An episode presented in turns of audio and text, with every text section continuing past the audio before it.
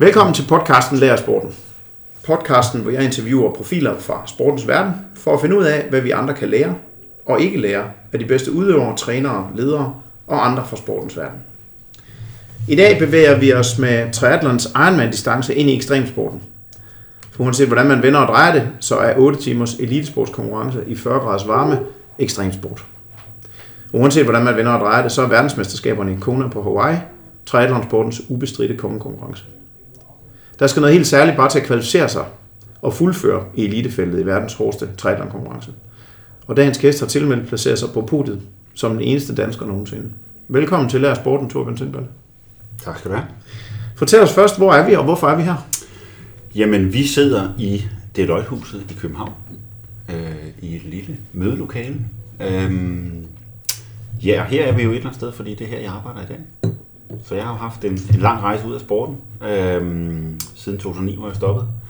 Og har siden da sådan arbejdet rigtig meget med, med leder- og talentudvikling. Øh, både som coach og konsulent, og så er jeg så nu i, i Deloitte, hvor jeg har været to og et halvt år, og er rigtig glad for at være. Og du har ikke været i andre store corporate settings før, der var det? Nej, jeg har arbejdet som konsulent for ja. mange store virksomheder i Danmark, øh, inden jeg kom hertil. Øh, og lavet både lederudvikling og talentudvikling. Øh, forskellige aktiviteter inden for det hos dem. Så, øh, men det har jo sådan været, været i den tid, siden jeg stoppede som atlet, ikke? At, at, at der er det gået den vej. Og jeg synes, det er vildt spændende at arbejde med virksomheder og virksomhedskultur. Øh, og selvfølgelig også øh, talentudvikling i et andet setting øh, end sport. Ja, vi kommer meget mere tilbage til Deloitte og, og dit nuværende job, og mm. også hvordan I arbejder, ikke mindst med mm. talentudvikling. Øhm, men dem, der nu ikke har læst mm. din første bog og ikke har fulgt dig, kan du ikke fortælle lidt om, hvordan din uh, trikarriere den startede? Jo. Øhm, Jamen et eller andet sted, så, øh, så var jeg nok en, en knægt med, med rigtig meget energi. Øh, jeg prøvede mange forskellige sportsgrene øh, som lille, og, øh, og havde godt krudt i røven. Øh, og så øh, på et tidspunkt faldt jeg lidt over svømning, og så øh, som 12-årig tror jeg, jeg startede som svømmer. Det er lidt sent. Så lynhurtigt, så blev dem også, der var yngre end mig, de kom op på nogle af de lidt bedre hold. Øh, og så havde jeg en skolelærer, som introducerede mig for tri. Han var jo i maratonløber og lavede faktisk en lille tri øh, tilbage dengang i, i omkring 89-90. Øhm, og synes egentlig, det kunne være spændende. Øhm, så det kastede jeg mig ud i, og kom ud og blev en del af Brøndby Triathlon Klub øh, dengang. Jeg voksede op i Albertslund øh, som 14-årig, og var jo så øh, stort set eneste unge person i en klub med en masse 35-50-årige mænd men oplevede jo et sportsklima, som var øh, enormt øh, rart og inkluderende og positivt og, og motiverende øh, at være en del af. Øh, jeg svømmede hurtigere end de fleste, selvom jeg på det tidspunkt ikke svømmede sådan overdrevet hurtigt. Men det gjorde bare et eller andet sted, jeg blev taget enormt godt imod. Øh, jeg synes, det var en spændende sport. Og så mødte jeg en masse andre unge øh, på sådan nogle camps, øh, Dansk Trænerforbund holdt dengang. Øh, og så fik jeg lige pludselig, hvad skal man sige, dels lært, at vi var måske de 40 ungdomstriatleter, der var i Danmark. De blev sådan samlet øh, på sådan en camp et par gange om året. Og der udviklede jeg simpelthen nogle fantastiske venskaber, øh, som, som blev min vej ind i sporten, og, og, øh, og den var jeg et eller andet sted kom ind i tri. Øh, jeg var ikke særlig god til at træne. Jeg var ikke særlig god til at motivere mig selv. Øh, så jeg var faktisk ikke nogen særlig god til at lide på det tidspunkt. Men jeg synes, at, øh, at øh, det var nogle, nogle super gode venner, jeg har fået, og vi fandt på alt muligt øh, og tog rundt i hele Danmark og kørte stævner, og jeg kan huske, at vi festede i Jomfru Omfru med pultur på, uden at drikke noget. Fordi vi synes, det var sjovt. Altså, men det, var, det var ret nørdet, men det var også øh, jo vildt fedt altså, at få min, min, min gode vennegruppe, kan man så sige, igennem sporten. Øhm, og så startede det hele der. Og da jeg så begyndte at lære at træne, øh, så, så tog sådan den, den præcisionsmæssige side af karrieren til også fart. Og det synes jeg er lidt interessant, fordi i den sport, jeg kommer fra, svømning, der er man enten glad for at træne, eller også er man ikke. Ja. Altså, der lærer man ikke pludselig at blive god til at blive glad for at træne. Så, så du træningen som et, som et middel til at nå et mål, eller blev du rent faktisk glad for træningen i sig selv?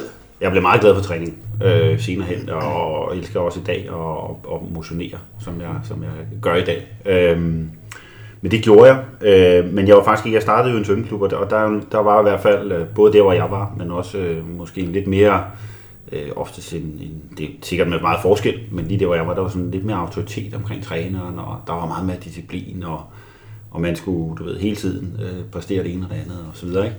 Ja. Øhm, og det der, det trives jeg altså ikke i. Øhm, så jeg lavede jo aftaler med min træner om, at hvis jeg laver 500 mavebåndinger, får jeg så lov til at slippe for træning i dag. Fordi det der med at være inde i sådan en ramme, det kunne jeg ikke. Og der var trisporten jo meget mere fri. Øh, også et andet ansvar, altså man skulle jo selv øh, finde ud af det hele. Om man skulle selv øh, kollapse en cykel, om man skulle selv lave sit træningsprogram, om man skulle... Og så havde man en klub og et, et miljø, man var en del af. Øhm, og det lå lidt, lidt bedre til mig, øh, synes jeg et sted. Men det der med at lære at træne, jamen det var egentlig, øh, jeg havde svært ved den disciplin til at starte med. Øhm, og mange af dem, som kender mig fra den gang, øh, og også måske er i sporten i dag, de tænkte også, hvad, hvad, altså, han bliver aldrig til noget øh, i sporten. Men, men langsomt, så synes jeg, at projektet med at, at lære øh, og overholde, kan man så sige, øh, aftaler med mig selv, øh, lære at træne og, og også finde, øh, hvad skal man sige, glæden ved det, for jeg var jo fascineret af sporten. Jeg var fascineret af at kombinere tre discipliner, jeg var fascineret af at prøve at se, hvor god kunne jeg blive til det. Og jeg var også, du kan sige, ikke, man ryger lynhurtigt ind, og jeg, det var ikke fordi, jeg var, var helt øh, røven af 4. division, da jeg startede, så jeg havde da også noget blod på tanden. Øhm, og fik også noget tidlig succes. Øhm, fik blandt andet også målt et kanonhøjt ilt, iltoptagelse øh, som 18-årig. Øh, der var også sat gang i at, at troen på, at det her det var noget, jeg kunne. Så, så jeg fandt jo hurtigt ud af, at jeg havde noget talent, som inspirerede, men det der med så at kunne træne og, di, og disciplinen og følge træningsprogram, det havde jeg nogen svært ved. Øh, så det tog mig de første 5-6 år i bund og grund at komme til et punkt, hvor jeg et eller andet sted kunne holde en træningsplan. Øh, fornuftigt. Øhm, og sidenhen synes jeg, det folder sig ud, for jeg synes, de oplevelser, man så har med sin krop, om det så er at komme på træningslejr og cykle i bjerge, eller, eller løbe i terræn, eller herhjemme også, altså med, med, med mange af de ruter, vi også havde, som roterede måltider på, eller hvad det nu kunne være.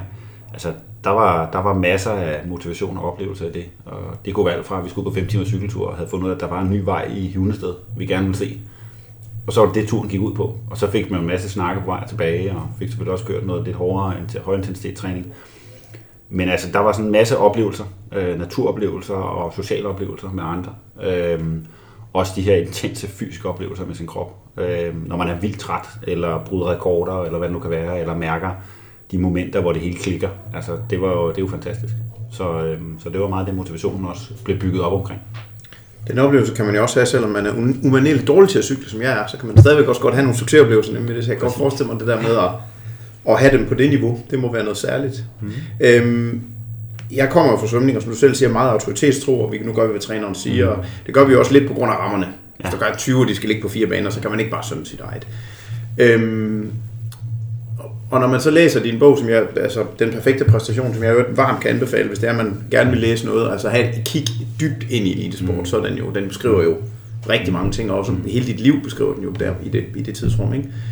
Jamen, så virker det som om, at det faktisk er dig selv, der kører det her projekt nærmest fra start af, men med en lille smule råd og vejledning. Mm. Øh, der er ikke nogen træner, der siger, nu skal du gøre sådan her. Det er, mest, det, det er allermest samarbejde. Mm. Var det sådan helt fra start? For det, det, også i din ungdomsår, var det også dig selv, der ligesom havde teten i forhold til at planlægge træning og udføre? Ja, det var det. Det var faktisk en del af projektet. Altså interessen for øh, det fysiologiske, for træningsplanlægning og for, hvordan man kunne optimere præstationen. Øh, det er også et lidt intellektuelt projekt. Øh, det var for mig. Øh, den interesse blev vagt øh, ret meget tidligt, og var, har været en helt integreret del af min karriere fra A til Z. Øh, både i og med, at jeg, du kan bare tage det, jeg gik i gymnasiet. Jamen altså, jeg skrev, jeg tror, jeg skrev dansk opgave, hvor jeg sammenlignede to øh, bøger, der skrev om sportspsykologi. Og jeg skrev historieopgave om OL i, i, på et eller andet tidspunkt, og jeg skrev tredje opgave om, øh, om øh, hvad hedder det, energidrikke, og hvordan de kunne forbedre præstationen, og lavede forsøg med det. Så, så det der det tekniske aspekt, aspekt af sporten, på alle parametre, altså det fysiologiske, det mentale, øh, det tekniske og sådan noget, det var med helt fra starten af som en, en fascination og en passion, øhm, som egentlig bare blev udviklet for fint igennem hele karrieren. Øh, også gjorde jeg jo, tog ind og læste idræt, da jeg var færdig med gymnasiet, som, som igen også et eller andet sagde, okay, det faglige niveau, det var der passionen var, og så dykkede jeg ned i det. Altså det virker næsten som om, når man læser bogen, at dit idrætsstudie, det var i virkeligheden en del af at blive bedre til at dykke tri. Det var mere end det var at studere idræt.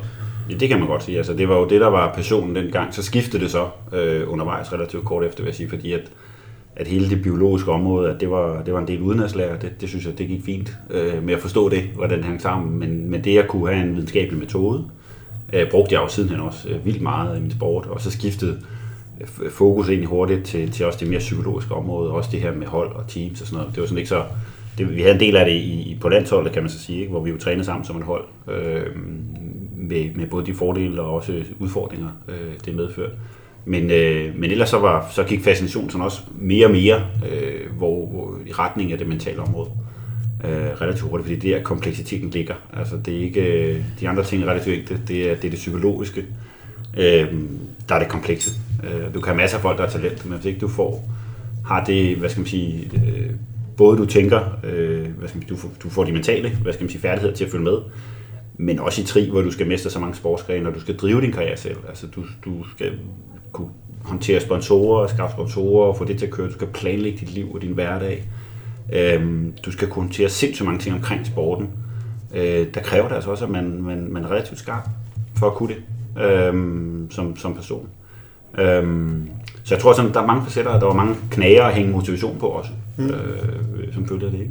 Så, så, så mit, mit oprindeligt planlagte spørgsmål, der hedder, hvor, hvor afhængig skal man være af en træner som voksen atlet, det, det har mm. du svaret på, kan man sige. Ja og nej. Det vil jeg så sige, fordi at øh, i de unge år, kan man sige, der var jo noget klubtræning organiseret, så fulgte jeg jo med på det. Og så begyndte jeg sådan at lave mine egne træningsplaner, og, og, øh, og så tror jeg, at det første, jeg sådan rigtig kommer på landsholdet, at jeg begynder at have en træner. Men har så øh, nogle rigtige, altså har jo nogle fantastiske trænere øh, med mig. Først Gaber Kløksel, som var dansk træner dengang. Sindssygt dygtig. Øh, var også træner for Peter Sandvang og Susanne Nielsen, og, og byggede et fantastisk hold. Øh, havde en, en, en rigtig effektiv, øh, rigtig god filosofi, øh, og lagde grundstenen til, til meget af det, vi kan i Danmark, og også har kunnet siden. Øh, og så efter ham Michael Kryger, som jo er mere tysk øh, uddannet, øh, og også lidt mere en anden trænertype, men, men et lige så øh, et super forhold også til Michael, øh, synes jeg. Og, og blandt andet Michael og jeg, vi havde, øh, vi havde sådan flere øh, snakke frem og tilbage, og perioder, øh, hvor, hvor, øh, hvor vi prøvede perioder, hvor jeg et eller andet sted fik mere, gjorde mere selv øh, i forhold til at planlægge træning, og, og når man er på det niveau, så, så er der rigtig mange ting, mange små justeringer, man laver hele tiden, øh, hvor det, det der med at kende sin krop og vide, hvor man er og sådan noget, det kan være vigtigt, men også motivationen i det øh, kunne også være drivende, men vi fandt egentlig ud af, at jeg som regel kørte ud over kan. Mm. Altså, at det et eller andet sted var, så fik jeg skader eller overtrænet eller et eller andet, og, og det at have Michael på sidelinjen til både at gøre det, han var bedst til, han var rigtig, rigtig dygtig til at lave, øh, planlægge, kan man sige, den overordnede rammer for, for træningen og få formtoppen til at ske på et tidspunkt, og, og lave nogle af de her breakthrough træningspas og sådan noget. Det var han sindssygt god. Han var meget hands on. Han var helt utroligt dedikeret til sine atleter, øh, og var med i USA at træne, øh, og trænede mm. jo selv med øh, og var der øh, på den måde til rigtig, rigtig meget det, vi lavede, og vi har fantastiske ture sammen. Øhm, men, men han var enormt vigtig til faktisk lige at kunne holde igen på de rigtige tidspunkter. Øhm, og vi var en del af miljøet der, hvor vi trænede rigtig meget, og vi trænede også for meget, når man ser tilbage på det. Men, men han var rigtig vigtig øh, på de punkter for mig, og der fandt vi ud af, at det var egentlig det bedste. Så, så der var ligesom, det kan godt være, at jeg selv havde en masse idéer, men det var egentlig bedst, når det var ham, der, der havde tøjlerne på at lave planen og, og, og så videre. Øhm, det er det samme. Camilla Pedersen havde jeg fornøjelsen ja. af at lave podcast med, ja. hun siger jo det samme om Brett Sutton, hendes træner, som ja. er gammel svømmetræner. Hun ja. siger, men jeg kan jo sagtens træne mig selv i stykker, det er jo ikke svært. Nej, præcis. Det er det at have en, der står i den anden ende og siger, ja. hold nu op. Og det er jo udfordringen ofte med de fleste topatleter. Øhm, der er det ikke motivationen, der mangler. Mm. Tværtimod. Altså der er trænerens vigtigste opgave at fokusere øh, og skære fra og holde igen. Øh, og så kan vi gøre det rigtige øh, og bevare det overblik, fordi det, det er svært at have selv. Øh, det fulde overblik. Og så siger du, nu sidder der, kommer der til at sidde mange hobbytriatleter og høre det her. Så, så nu siger du, vi trænede meget. Hvor meget var meget dengang? Jamen det kommer lidt, det var jo forskellige filosofier, du kan sige. Med Gaber, der var det meget intensiv træning. Øh, rigtig meget i, kan man sige, det vi kalder AT-træning, men altså det der relativt enkeltstart tempo, øh, ret højt, højintensiv træning, øh, og relativt stor volumen også af det. Og der træner vi de her øh, 2, 3, 4, 25 timer om ugen, øh, eller 20-25 timer om ugen, og sjældent over det. Øhm, til gengæld var der rigtig meget, hvad skal man sige, øh, konkurrencespecifik træning og, og, og relativt højintensivt, også året rundt. Og det er aktiv tid på? Ja, altså, det er, der vil jeg så sige, der var ja. vi lidt, øh, det er aktiv omklædt tid. Øh, jeg mødte engang en svømmer, der sagde, at han trænede 6 timer om ugen, men det var så inklusiv omklædning og bad og helt på laden. Ja, udstrækning. Og... og, og hos os var det jo mere, i hvert fald også for mig, jamen, der, der, var det, der var det den effektive træningstid, vi registrerede. Det var ikke alt det her omkring, fordi så rører vi op på rigtig mange timer, og det giver rigtig mening, altså fordi det, du tager alt muligt med, som ikke giver mening at måle på. Så det var jo helt ned til, altså hvad registrerede vi på cykelcomputeren, og hvad registrerede mm. vi på uret. Øhm, og når det var svømning, så regnede vi faktisk sammen, fordi vi ville kalde pauserne med svømning.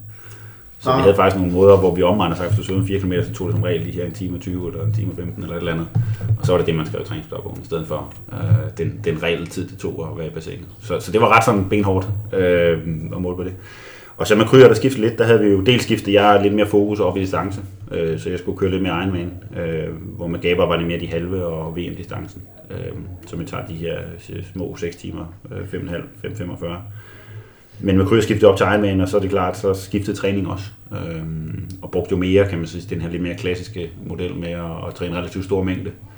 Øh, op til at og så lave nogle, nogle klare formtopningspas, øh, som kunne være ret intensive. Øh, havde også intensive elementer i løbet af året, men, men, men det var ligesom træningsvolumen, som, som var noget af det centrale. Så det brugte vi en del krudt på, og der var vi helt oppe og ringe. Altså, der havde vi jo, man kan sige, når man var hjemme, Øhm, så kan det jo godt være de her fra, lidt afhængig af sæsonen også, ikke? det var lidt mindre i ydesæsonen, men, men så når vi var i træningsperioden så hjemme, så kunne det godt være igen omkring de her 5-28 timer øh, fast, øh, sådan uge uge ind, og så med nogle hvileuger ind imellem. Ja, det kørte vi ret struktureret. Og når vi så var på træningslejre, så var det jo øh, særligt i de intense forberedelser op til Ironman. Øh, så tror jeg, jeg havde den, den højeste uge, jeg havde, det var 42 timer og 37 minutter. Men fandt så et leje omkring, jeg tror, øh, den bedste leje jeg havde, det var to uger, hvor jeg kørte, der havde de her 37,5 timer om ugen med overskud.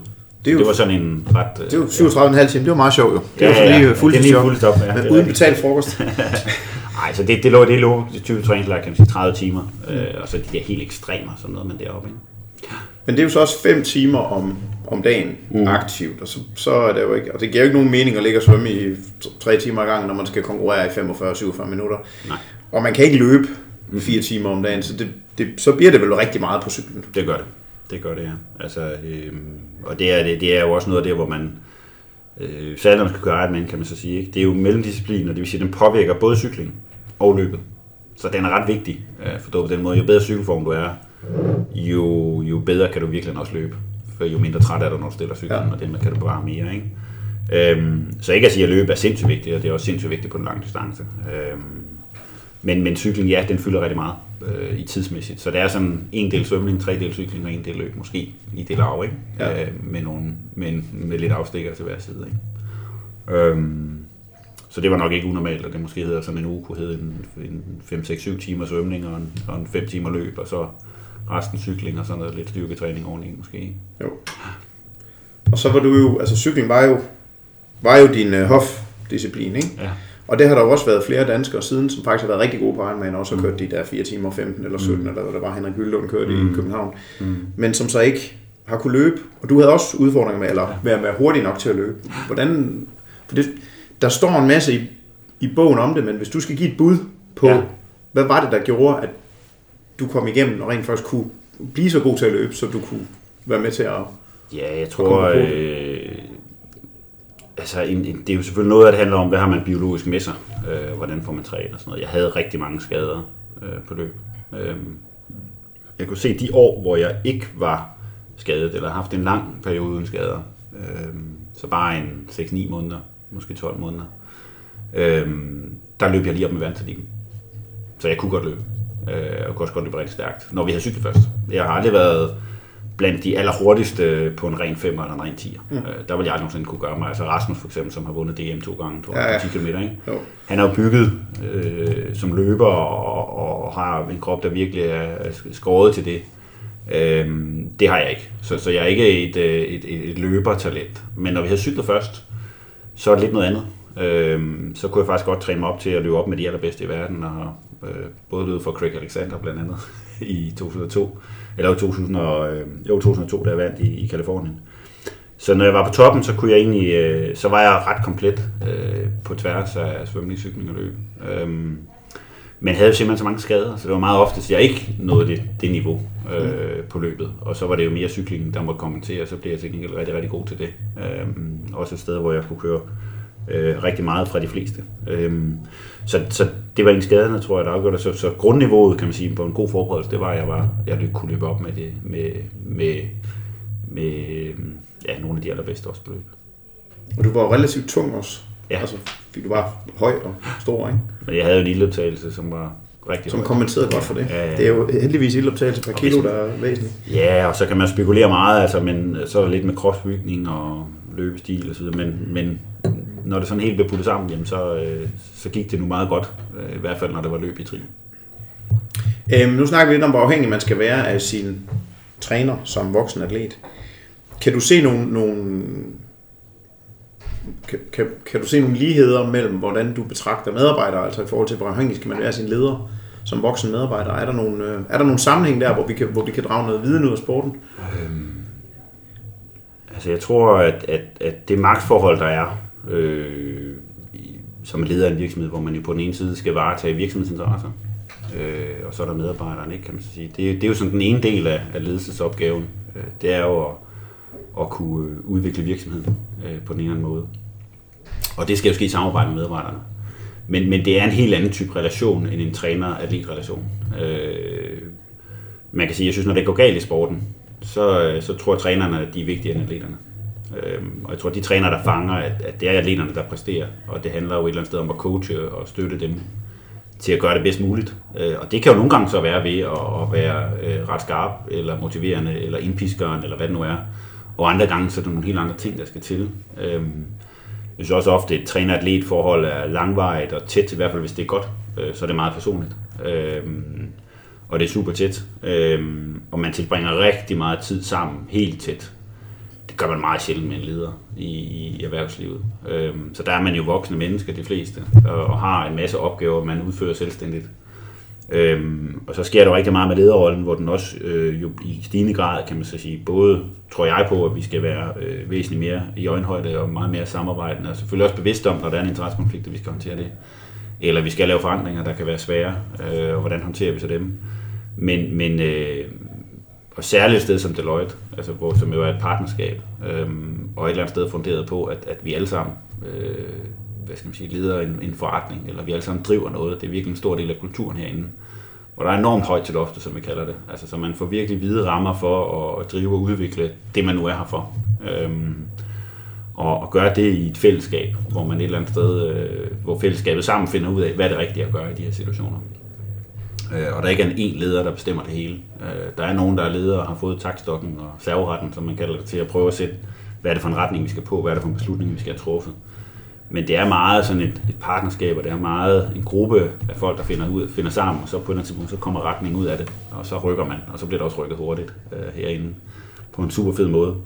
Øhm, så, så jeg tror, der er sådan nogle, nogle, nogle afgørende forskelle i og med, at, at man leder voksne, øh, typisk på en arbejdsplads. Øh, der er nogle helt andre strukturer omkring det, virksomhedsmæssigt, magtmæssigt og sådan noget. Øh, men jeg tror klart, i det, i det coachende øh, aspekt, kan man så sige, det er, at man, man prøver at gøre hinanden bedre. Øh, både opad til og nedad til. Øh, men også hele det her med at arbejde med individers motivation, selvtillid, selvværd, øh, det arbejde med detaljerne i præstationen og hele tiden forfine det, det at bruge feedback som en måde til at udvikle øh, sig selv og hinanden på.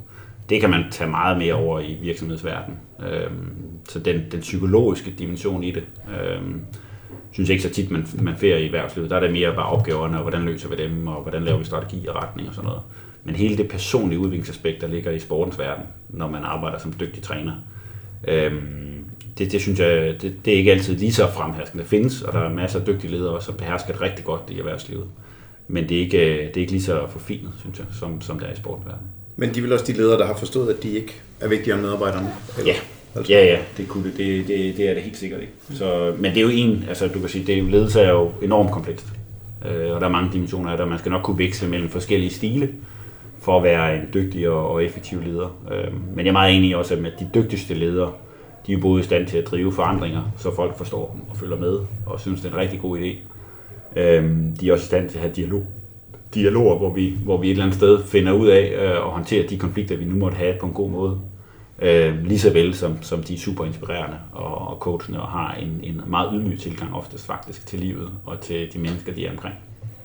Ser du, at der sker et skred i den måde, at være, den måde man er leder på i, i dag? Altså sammenlignet med, du ved, de gamle Jack Welch og hans, ja. øh, hans øh, ja. kollegiske anfald, og det har, man også, det har der også et rygt om, at der, der sker andre steder, i, og også tæt på... Øh, ja. Altså også, i, også på Esplanaden skulle der angiveligt også øh, for, for, for ikke ret mange år siden have været forskellige kollegiske anfald. Ja. Så, øh, Ej, men det ændrer sig øh, enormt meget.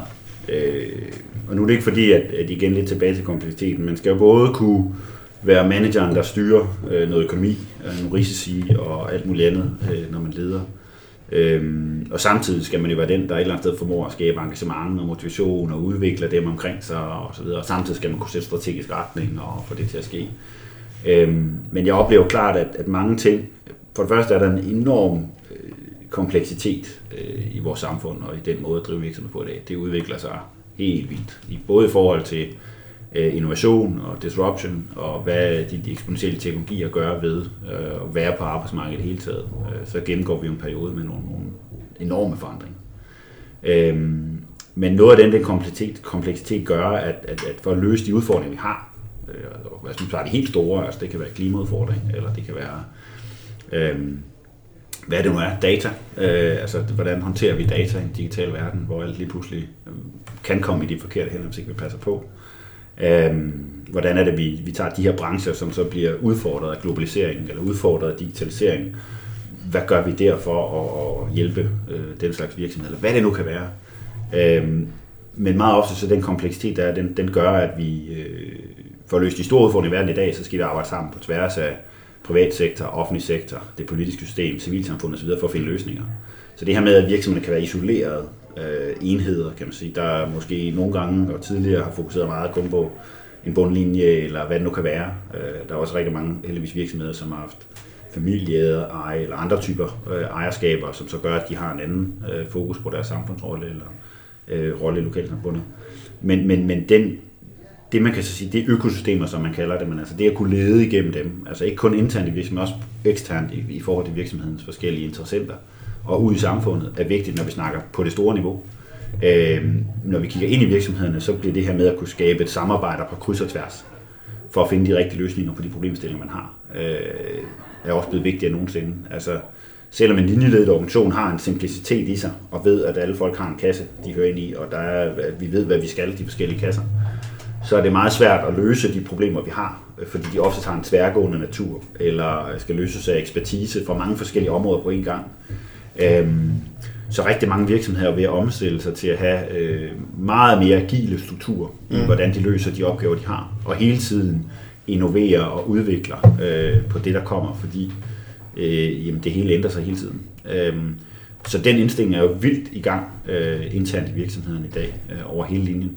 Øhm, og skaber dermed også nogle markant anderledes øh, måder at lede på. Altså det at kunne fostre et samarbejde, øh, det at kunne få øh, en diversitet i de teams, man arbejder med, hvor man har mange forskellige perspektiver ind at kigge på en problemstilling. Øh, den her ydmyghed, der skal følge med for, at man også får et følgeskab for folk til sine idéer. Det er, at ledelsesrollen ikke længere er bundet til én person. Altså jeg snakker dag om ledelse som en social proces, mm. hvor man sammen finder retning og, og committer sig til den retning og sådan noget øh, frem for det bundet til en person. Altså, det er, det er også interessant. Så, så, så hele de her ledelsesbreve, det, det flyder ud øh, og bliver på en anden måde. Og det betyder ikke, at man finder ledere dag som Jack Welch, der, der med sin stil eller noget andet kan inspirere en hel virksomhed og sætte den på en rejse. Men jeg tror, øh, den måde, man gør det på i dag, er markant anderledes. Ja, generelt i samfundet, men jo vel også specifikt i de store virksomheder, ikke? Ja. Øhm, og derfor vil der nok stadigvæk altid være plads til en Elon Musk, eller en Jack Welch, eller hvad de nu hedder. Nå, om du kan sige, at han hed Jack Welch, nu hedder han måske Elon Musk, ja. eller, eller noget andet. Ikke? Og det er, jo, det er jo markant anderledes øh, lederprofiler, hvis du kigger på, hvad det, er, det rent faktisk gør, og hvordan de leder. Ja. Øhm, så det er vildt forskellige ting, der så virker på forskellige tidspunkter. Øhm, kan man overføre evnen til at arbejde hårdt fysisk til evnen at arbejde hårdt på et kontor? Det synes jeg faktisk ikke. Hmm. Øhm, så i hvert fald, hvis jeg bare lige skal tage min egen vurdering. Altså, jeg synes, det er jo noget af det, både det smukke, der er ved sporten. Øh, den der, øh, når jeg kørte en tri. Så hvis jeg ville noget, så følte jeg jo, at jeg instinktivt kunne gøre noget ved det. Med det samme. Og det var mig selv, der var herover, hvad jeg gjorde ved det. Og, og jeg havde en masse muligheder for at, at øge tempoet, eller forbedre planen, eller hvad det nu var. Øhm, så den der øh, direkte sammenhæng i bund og grund med, at, at når man var i stævnen, eller man var i træningsplads, eller hvad det nu var, og man gerne ville nå noget, så var det meget tydeligt, hvad der skulle gøres. Og det var et eller andet sted inden for min egen kontrolsfære at, at gøre det. Det, er, det var både enormt motiverende øh, og spændende og meget intenst. Også det at, at skulle arbejde fysisk for at nå sit mål. Altså skulle anstrenge sig, skulle være træt, skulle overvinde træthed. Det bruger man enormt meget tid på øh, når man træner så meget på det niveau, så, øh, så er der vildt meget, der handler om at kunne motivere sig selv i de situationer, hvor man bare er givet, eller man er træt, og finde hen et andet sted og finde motivationen i det, man nu gør. Så den evne har jeg trænet helt vildt. Øhm, og jeg synes, når jeg arbejder i dag, og der, og der er jeg måske også øh, enormt privilegeret, men, men øh, jeg arbejder med nogle ting, som er sindssygt spændende hele tiden. Øhm, og alt forandrer sig hele tiden. Alt er udvikling. Øh, men det er først og fremmest så er det meget mere den måde, man skaber hvad skal man sige, resultater eller fremdrift på i en virksomhed. Det handler enormt meget mere om samarbejde. Øh, enormt meget mere om kommunikation og dialog med en række forskellige øh, interessenter. Og så er det selvfølgelig mere mentalt, fordi rigtig meget det handler om at finde ud af, hvordan løser vi de udfordringer, vi nu har, øh, for at komme videre her øh, på den ene eller anden måde. Og, og det er jo nogle markant anderledes processer. Så det der med bare at ville det, og så på en eller anden måde bare knokle. Øh, det gør mange gode ting, øh, når man gør meget ved noget, men, men jeg synes ikke, det kan sammenlignes øh, helt på samme måde. Mm. Ja, det, det, og det giver god mening også i og med, at det er en individuel idrætsgren, ikke? ja, ja. Det, er, det er selvfølgelig noget Øhm, vi bliver nødt til at snakke noget mere om, øh, om Kona. Ja. Og, og det gør vi, fordi jeg havde fornøjelsen af Camilla Pedersen i, mm-hmm. i, i podcasten, og, og der snakkede vi meget om Hawaii. Og man kan sige, det har ikke givet hende specielt mange gode oplevelser, men hun har stadigvæk en, kan man sige, en drøm og en ambition om, om at det skal lykkes på et ja. tidspunkt. Øhm, og forhåbentlig nu her til oktober. Kan du prøve at beskrive, hvad det er for triathlonsporten? For det tror jeg kan være svært at forstå, hvis ikke man mm. har været en del af det. Jamen altså, det er jo, øh, øh, det er jo sådan et mytologisk øh, event, kan man så sige. Ikke? Altså, det er jo, det, hvis man lige går tilbage i historien, vi er, vi er jo vidner om, om triathlon, altså kombinationen af tre discipliner, øh, og måske også svømning, cykelløb helt tilbage fra starten af 1900-tallet. Øh, sådan i, i historiebøgerne. Øh, men sådan den populære version af sporten, den, den tog fart der øh, omkring øh, de der 678, øh, hvor der både var nogle konkurrencer inde i San Diego. Øh, og de fører så til, at man, man jo øh, på Hawaii, de her officerer, der sad og havde debatten omkring, hvad for tre lokale udgangskonkurrencer, der var den hårdeste, og så slog dem sammen, som så blev til Ironman. Så både det, at, at i hvert fald historien er, at, at det her, det startede, det er jo sådan den ene ting. Øhm, og så var det jo rent faktisk sådan op igennem, Øh, først, øh, nu er det sidste i halvdelen af 70'erne, ikke startede 78, men op igennem 80'erne, der var der jo faktisk øh, to øh, i, i Tri. Øh, den ene var øh, på Kona, øh, hvis man kan sige sådan, at den popularitet, øh, det fik, og, og det, det skub, det fik. Men den anden var faktisk i Nice, øh, på, på det, der nu i dag er VM-distancen, altså 4 km svømning og 120 cykling og 30 løb. Og, og de var egentlig, øh, hvad skal man sige, ligeværdige øh, op igennem 80'erne. Og det første, da Ironman sådan begynder at lave, øh, udbredt udbrede også, øh, Rot kommer til, tror jeg, i 90, og også var det før, det kan jeg ikke helt huske, men, men nogle af de her, øh, hvor man udbreder, øh, hvad hedder det, Ironman til også at være på andre kontinenter, og det koncept, man får sat op omkring det, er jo kommercielt set rigtig stærkt, og den, den vind, øh, den drøm om at, at lave noget, der er så ekstremt, og, og, og gennemføre og overvinde sig selv. Og de historier, der kommer ud af Hawaii, hvor man jo, øh, hvad skal man sige, på en rigtig god måde har både historierne fra det første år, men også Iron War i, i 89 og Julia Moss i 82, hvor hun kravler over målstregen. Mm. Det er, jo, det er jo nogle af de historier, der har skabt myterne, og har skabt, at NBC fulgte det, og man har fået lavet tv-programmer. Det har jo vundet Emmy, tror jeg, 11 gange, eller hvad det nu er, ikke? det tv-program, der lavet overfra, hvor man jo har den her split mellem, at man både følger eliten og selv udviklingsstævnet, og så har man alle de her andre øh, historier om mennesker, som overvinder sig selv. Altså nogen, der mangler et ben, eller en, der er blind, eller eller um, hvad hedder det, Team Hoyt, øh, Rick og Dick, ikke? Som, som hvor, hvor, hvor Rick var spastisk, øh, hvor hans far svømmede med ham i en gummibåd, og så cyklede de på en cykel, ikke? og så løb han mål. Vi har jo Team Tvilling herhjemme, men altså, og det tror jeg var det ikke i 96 eller sådan noget Altså de der, de der historier, som også er med til at definere sporten og skabe den her ånd om, at det ikke er en vinder, der er 2.000 vinder. Øh, de er jo, en del af dem er jo født øh, ud af Kona, og de Emmy-programmer, der er lavet omkring det. Så hvis du kigger på det, hvordan er det opstået, og hvorfor det er opstået, så er det nogle af de ting, øh, der har været med til at skabe det. Øh, men det er faktisk først der omkring 90 sagt, at det tipper, øh, og, og, og Kona begynder ligesom at få noget forrang. Øh, VM kortdistance bliver lavet i 89, øh, og allerede midt 90'erne begynder man så at have snakken omkring øh, OL-programmet og så videre. Ikke? Og det er jo nok noget, der vokser frem nu, men, men OL er et elite game. Altså det er jo for dem, som virkelig er på det spor i sporten, øh, og mange af, af landenes øh, triathlon-forbund, de kører jo så målrettet programmer, det her med talenter, der kommer ind, og så bliver man udviklet, og så går man OL, og så skifter man måske over senere hen. Hvor med Ironman jo er, er lige så meget elite som det brede sport, mm. øh, og hvor alle kan være med og deltage, og det giver en helt anden øh, stemning omkring det. Så Ironman er sådan det største stævne. Man kan jo sammenligne det lidt med, om det er Grand Slams i tennis, eller det er Tour de France i, i, øh, i cykling. Øhm, Det er der alle de bedste er. ja, Altså, altså, slutfærdigt. det er det, de alle de bedste de er. skadet, så er de der. Og jeg plejer at sige, det er det, man snakker om 6 måneder før og 6 måneder efter. Ja. Øh, nu er der sket meget i sporten, synes jeg, man har mange store stævner nu. Men, øh, men det, er, det står ligesom som ikonet øh, på sporten. Og du havde selv, øh, altså du bliver nummer 6, da du deltager første gang. Og så ender du med at blive nummer 3 i 2007. Øhm, og din egen rejse gennem stævnerne her har jo ikke...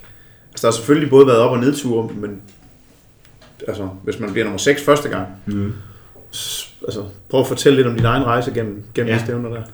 Jamen altså, øh, øh, jeg voksede egentlig op med at køre kortdistancetri. Øh, og prøve at blive god til det først. Og, og da vi så kom på OL-programmet, og det bliver drafting, øh, så prøver jeg det lidt af, men, men finder ud af, at det er ikke mig. Altså, jeg er jo bedre på cyklen, og jeg har ikke det der virkelig tårnhøje løbertalent, som, som der også er brug for. Jeg var heller ikke den bedste i svømning, så jeg har også svært ved at komme helt med på det svømmeniveau, der skulle kræves. Men når det blev non-draft, og på de, både de, om det så var kort, eller mellemlang, eller, eller lang, jamen, så var jeg egentlig i mit S. Så jeg valgte allerede dengang, at det var den vej, det skulle gå. Og så havde jeg en periode, hvor jeg kørte, vi kørte meget VM-distancer med Gaber blandt andet, hvor det var det, hvor også Team Danmark støtte og så videre bygget op omkring. Så jeg, jeg voksede op også med, at VM var, var rigtig vigtigt og var et fedt stævne, og var super privilegeret at være med til det, og også øh, vinde øh, to verdensmesterskaber. Og var også øh, rigtig interesseret i den halve distance, kørte en helt lidt halvdistance, halv, halv stævne, og havde også rigtig god succes i det. Øhm, så det er egentlig jo lidt senere i karrieren, at det her med Ironman øh, popper op. Det gør det i 2003, øh, hvor vi egentlig har et, et, en, en drøftelse inde hos øh, et, et, kommunikationsbureau, der hedder Manor. Men der var en journaliststuderende, der var ved at lave et projekt omkring, hvorfor, hvorfor er det, at atleter i små sportsgrene har svært at skaffe sponsorer. Øh, og så havde vi sådan ligesom en form for et møde derinde, øh, hvor Gaber også var inviteret med på det tidspunkt, og hvor vi sådan drøftede, hvad var min fremtid, og, og hvad var det for en image, hvad var det for nogle historier, der ligesom bygges op omkring mig, for, og i dag vil man sige, for at gøre mig til et brand, eller for, for mm. ligesom at, at, få den kommercielle side af sporten til at være med. Øhm, og på et af de møder, så, så siger det Gaber så, øhm, som jo er en super, altså kanon god træner, og skabt et super miljø, og, og rigtig god humor, men, men ikke er den der storladende øh, på nogen måde i forhold til, at- og meget sjældent udtale sig om os andre, altså hvad, hvad han synes vi kunne, eller, eller noget i den stil. Så siger han så på et tidspunkt, at uh, Torben, jeg tror, du kan vinde på vej. Øh, og det sætter sig jo. Øh, klart, for det er en kæmpe anerkendelse, og det motiverer helt vildt. Ja, især hvis det kommer fra sådan en. Ja, det er jo det. ikke? Det er jo det. Så, øh, så det satte gang i, i, i drømmen. Og til trods for på det tidspunkt, der havde jeg, jeg havde kørt to Ironmans for at prøve det. I 99 i, til EM i Holland og, og 2001 på hjemmebane i Fredericia. Og, og begge var sådan gået okay, men, men det havde bestemt ikke været nogen øh, sådan, succes på den helt store klinge. Øh, og det var jeg også at prøve det. Så jeg har aldrig trænet fokuseret til Ironman. Jeg har aldrig været ude og konkurrere med de store øh, rundt omkring i verden. Men alligevel så blev jeg så inspireret, at, at jeg og sammen med min mental coach på det tidspunkt, Lars von Nielsen, satte en ambition over at vinde på veje. Øhm, og det gik vi så i gang med. Og det var jo det er et vildt projekt, for det var en tårnhøj ambition. Altså langt ud over, hvad jeg havde erfaring til. Øhm, men jeg havde nogle gode indikationer. Jeg havde gjort det rigtig godt på, på, det, på både den halvlejen øh, havde jeg vundet over hele verdenseliten øh, øh, ved nogle gange, og jeg havde gjort det godt til VM, så jeg tænkte, der var noget at have det i. Øh, og det var også det, der skulle til et eller andet sted for os at sige, okay, hvor, hvor er mit topniveau henne? Fordi det var måske også det, vi brugte til at sige, lad os nu prøve at tænke helt derud, hvor vi siger, hvad er din grænse? Hvor, hvor, hvor langt kan du tage det? Øhm, og der skulle vi nok op i den målklasse for ligesom at, at finde en bare, som både var inspirerende og også kunne sige, okay, nu skal du altså rydde alt andet til side, og så skal du lige gentænke, hvordan du gør tingene, og så få det på linje. Og det blev så en, en, øh, en vild proces. Øhm, tog det over første gang i fire, hvor vi virkelig lavede en... en først skulle jeg kvalificere mig, så jeg skulle køre Wisconsin 3, hvor vi røg noget mega varme, og jeg gik helt ned med flad efter 5 km og måtte næsten, nej, kravle, god kravle, nej, men, men, men kæmpe enormt hårdt de sidste 28 km for at komme hjem, øh, og kvalificere mig alligevel. Og i fire kørte vi så det første, og det var faktisk første gang, jeg lavede sådan en dedikeret Ironman-forberedelse. Øh, og der havde jeg skiftet til Michael. Han var så blevet sportschef og, og landstræner på det tidspunkt. Øhm, og han var jo egentlig også den rette, kan man så sige, til at gøre det med den baggrund, han havde, den træningsfilosofi, han havde. Så vi, øh, vi lavede en super forberedelse, men det var også første gang, jeg var derovre. Og historien viser, at, at de fleste, der tager derover, de skal bruge ret mange år på at lære stævnet at kende. Øh, Mark Allen brugte de her 6-7 år, øh, berømte 6-7 år, før han vandt i 89. øh, da de tre musketerer, som vi kaldte dem dengang, tog det over i 95, altså Peter Sandvang og Morten Finger og Ben Andersen, der tror jeg, der var to af dem, der udgik, og, og Morten gennemførte som nummer 50. Så, så det er sådan, det er hårde vilkår, og det er jo ekstremt varmt, ekstremt fugtigt, og det gør ligesom, at alt, hvad man ved omkring at kende sin krop i de konkurrencer, og hvad man skal spise og drikke undervejs, og hvordan man skal disponere konkurrencen, øh, koblet med det pres, der kommer uundværligt, når hele verdenslinen er samlet, og alle er sultne, og alle vil have den. Øh, det er en vild cocktail, og det er også sådan en cocktail, der skaber historier og eventyr. Øhm, men det at lære at konkurrere over, det er svært. Så vi forberedte os enormt godt, og vi havde faktisk en meget konservativ ræsplan. Og det gik jo øh, egentlig øh, resultatmæssigt rigtig godt. Øh, Peter var, havde den bedste danske præstation indtil det som nummer 10. Øh, og jeg blev så nummer 6. Øh, Susanne Nielsen blev nummer 4 i 99, og havde øh, stadigvæk øh, kan man sige, den bedste placering på det tidspunkt. Så det var jo egentlig en god debut. Øh, procesmæssigt, der var jeg ikke tilfreds. Jeg løb på 3 timer og 15 eller sådan noget, så jeg gik helt ned i varmen igen, som jeg også gjorde det i 3. Øhm, og det var jeg ret nysgerrig på, hvordan jeg kunne forbedre. Øhm, og så kørte jeg 5, hvor jeg jo kvalificerede mig øh, fra 6. pladsen til næste år. Øhm, blev skadet øh, op til, øh, og begyndte først at løbe tre år før stævnet. Øh, satte cykelrekord, men ind som nummer 56 eller sådan noget. Øhm, og så ud jeg kvalificere mig igen, og, og så i, øh, i, øh, i 6, hvor jeg jo egentlig havde programmeret, at jeg ville vinde. Øh, der fik jeg ikke engang kvalificeret mig. Øh, måtte så vende tilbage igen og vende hele bøtten, og var egentlig også ved at droppe hele projektet, øh, primært på grund af varmen. For det var så svært for mig at få det til at fungere øh, i de der i de der øh, varme forhold, øh, og vi kunne ikke rigtig finde ud af, hvorfor vi havde prøvet rigtig mange ting at disponere, og jeg var jo akklimatiseret øh, til de forhold, og hvordan vi disponerede, og det var egentlig ligegyldigt, hvordan vi vendte og drejede, så endte jeg altid med at løbe 15 km, og så gik jeg helt ned med flad. Øh, så i syv, der var jeg egentlig ikke motiveret, men jeg vandt VM i 2006, øh, og vandt med, øh, jeg satte hele feltet med 12 minutter på cyklen på VM-distancen. Og det gav alligevel blod på tanden, fordi øh, jeg vidste godt, det var på løbet, problemet var. Øh, og på cyklen, der var jeg stadig relativt fri også på vej, så hvis jeg kunne få et, for, for, et forspring, hvis jeg kunne køre så stærkt, så jeg alligevel kunne få forspring på 12 minutter på 120 km, så tænkte jeg, så var der alligevel noget at køre efter, og måske en buffer, der var stor nok til, at jeg kunne holde hjem alligevel. Øh, og så gik vi så i gang med at prøve at forstå os, altså virkelig gik en ekstra mil for at prøve at forstå, hvorfor øh, brændte jeg sammen i varmen. Mm. Øh, og lavede en masse samarbejde med Lars Nybo inde på Institut for Idræt, og kom frem til, at, at øh, det var ikke, øh, jeg, jeg kunne egentlig godt indtage den væske, jeg skulle. Øh, drak og spiste de rigtige ting. Jeg havde egentlig også energi nok i kroppen og, og til at disponere på den måde, der skulle disponeres og sådan noget. Men det var simpelthen fordi, at når jeg løb under de betingelser, med den fugtighed og den varme, jamen så kunne jeg ikke komme af med varmen hurtigt nok. Øh, så det betød egentlig, at min krop bare blev varmere og varmere i takt med at løbe. Og vi lavede nogle matematiske beregninger øh, på, hvad det er, kroppen øh, kan op til at varme, og hvordan den kan komme af med og sådan noget og som egentlig ret præcist viste, at når jeg havde løbet cirka en time, øh, jeg tror sådan måltempoet var de her 4 minutter per kilometer, øh, som udgangspunkt, i 2.48 øh, til slut. Øh, når jeg havde løbet det en time, så, øh, så havde min krop så bare blevet varmere og varmere, øh, og ramte et andet loft, som for mig lå omkring de her 40,2 grader, fandt vi ud af. Og så var det egentlig bare, at, at hjernen siger besked til musklerne om, nu lukker vi ned. Ja. Og så kan du ikke aktivere øh, det hele din muskelmasse og sådan noget, så skal du sætte tempoet ned. Og det kom vi så rundt om, øh, til, til 2007, hvor øh, Michael Kryer på et tidspunkt ude at løbe. Ah, vi har faktisk prøvet nogle år før i 2005, der prøvede vi med den handske og putte is i, som vi havde set i et studie over på Stanford. At de brugte den til at, at lave forbedret intervaltræning for nogle store amerikanske fodboldspillere nede i sydstaterne i USA. Øhm, så den prøvede vi, og den så vi direkte effekt af. At vi kunne se, at pulsen faldt 10 slag, når vi brugte den her handske, og, og vi kunne faktisk også måle på, at temperaturstigningen var langsommere, øhm, når vi brugte handsken. Så den vidste vi godt brugte, og så havde vi, øh, Kryer fandt så ud af, faktisk øh, 10 dage eller sådan noget, før stævnet i 2007, at det her med at løbe i en, i en lang videre med trøje, øh, når man gjorde den våd, så var der også en kølende effekt, der mindede om det. Øh, mm. Både på grund af vinden, øh, men i lige så også, fordi den måske er med til at skærme solstrålerne, øh, som jeg kommer ned. Så den strålingsvarme, der kommer den enormt højere, den er lidt lavere, når du har hvid overflade på, end når du har sort eller, eller brun hud. Øh, så det kunne måske være med til at skærme noget af solstrålerne.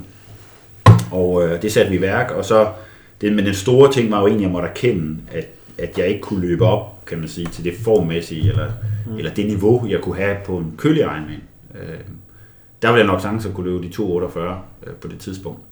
Men her var jeg jo nødt til at sætte tempoet efter, hvornår er temperaturen i balance. Men det er alle vel nødt til. Ja, ja, ja. Lidt, lidt groft sagt, ikke? Ja, det kan du sige, men der er altså folk, der løber 2.39 på mig på en ekstremt kuperet løberute. Ja. Øhm, og du, hvis du regner på det matematisk, så kan man sige, når du rammer ned i de her 68-70 kilo, som de fleste er på, så er du ikke hæmmet på samme måde. Nej.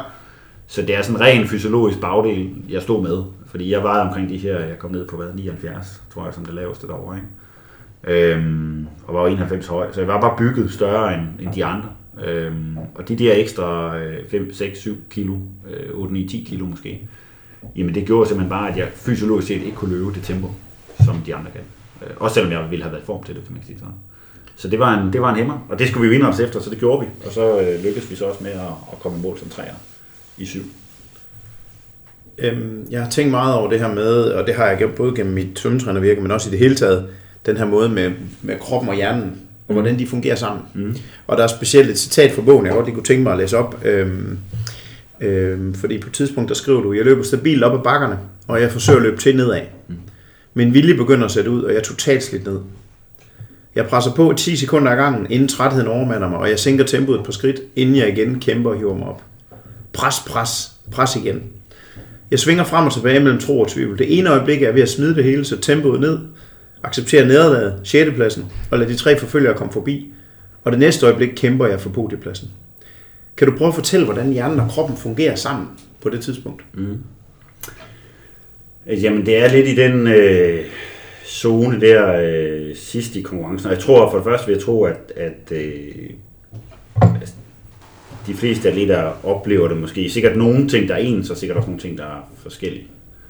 Øhm, og for mig var det jo altid, på et tidspunkt, så bliver man så træt. Altså et af, man er fysisk træt, det er man jo, øh, kæmper man med øh, meget af vejen. Man presser sig jo fysisk, så man skal jo hele tiden tolerere smerte og ubehag og alle de her ting. Og det lærer man jo, det har man lært i træning også. Det, det fokuserer man sig ud af.